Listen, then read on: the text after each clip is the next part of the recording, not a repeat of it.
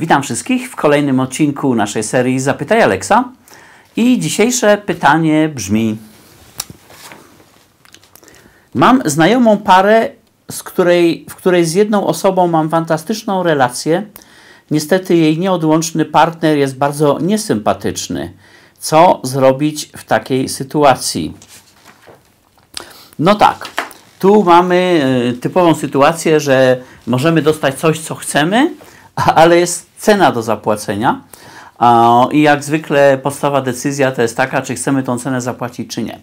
Ale zanim do tego przejdziemy, bardzo ważna uwaga.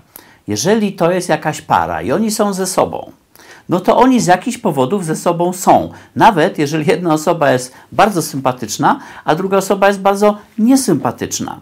Pamiętajcie, nigdy nie oceniajmy relacji między ludźmi, o ile sami nie jesteśmy elementem tej relacji, bo bardzo wiele rzeczy w środku wygląda zupełnie inaczej. To przy okazji tak, nie ma co zazdrościć różnym parom, bo nigdy nie wiesz, jak to jest w środku.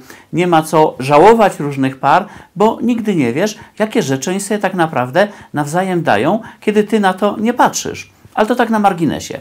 Czyli generalna zasada właśnie tu jest taka, jeżeli są parą, to zaakceptuj ten fakt.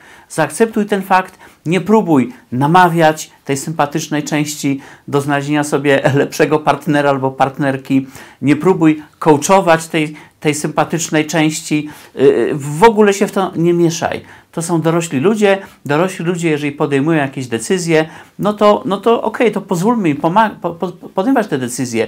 Nie bądźmy jak rodzice większości z Was, prawda, którzy uzurpują sobie prawo do oceniania i manipulowania Waszymi decyzjami. To jest taki rozpowszechniony program. Nie zabierajcie tego ze sobą w dorosłe życie.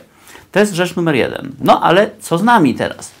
Jeżeli ja z jedną z tych osób mam rzeczywiście fantastyczną relację, jest to dobre i wzbogacające, a z drugą jest kiepsko, no to muszę rozważyć, w jakich to jest proporcjach.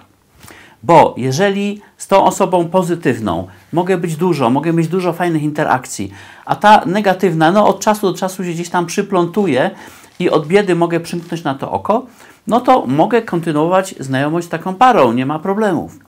Jeżeli jednakże jest odwrotnie, no to wiadomo, że nie trzeba sobie robić krzywdy, trzeba po prostu to mniej czy bardziej zakończyć.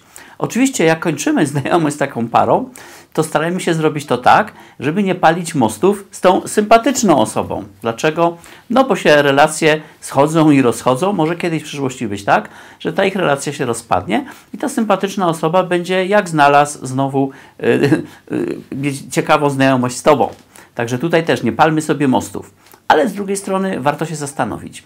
Jeżeli ta sympatyczna osoba A nam pewne rzeczy daje w komunikacji ze sobą, w relacji ze sobą, to warto się po pierwsze trzeba sobie uświadomić, co to jest.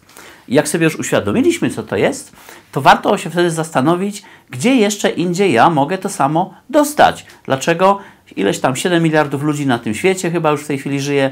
W związku z tym, no na pewno gdzieś są ludzie, którzy mogą nam dać to, czego potrzebujemy, to czego dostajemy od A, bez tej ceny do zapłacenia, którą jest znoszenie fochów, jakichś innych rzeczy jej, jej albo jego partnera życiowego, prawda?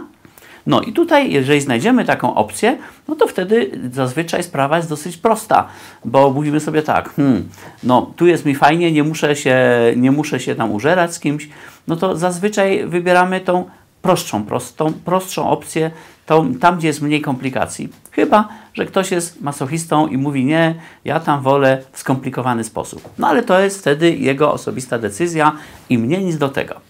Ok? No tyle na ten temat. E, zalecam przemyślenie tego, bo to jest jak zwykle mój osobisty punkt widzenia. Bardzo dobrze sprawdza się w moim życiu od wielu, wielu lat. Niekoniecznie będzie sprawdzał się w Waszym. Eksperymentujcie i życzę Wam powodzenia w tych eksperymentach. Do następnego razu. Bye bye.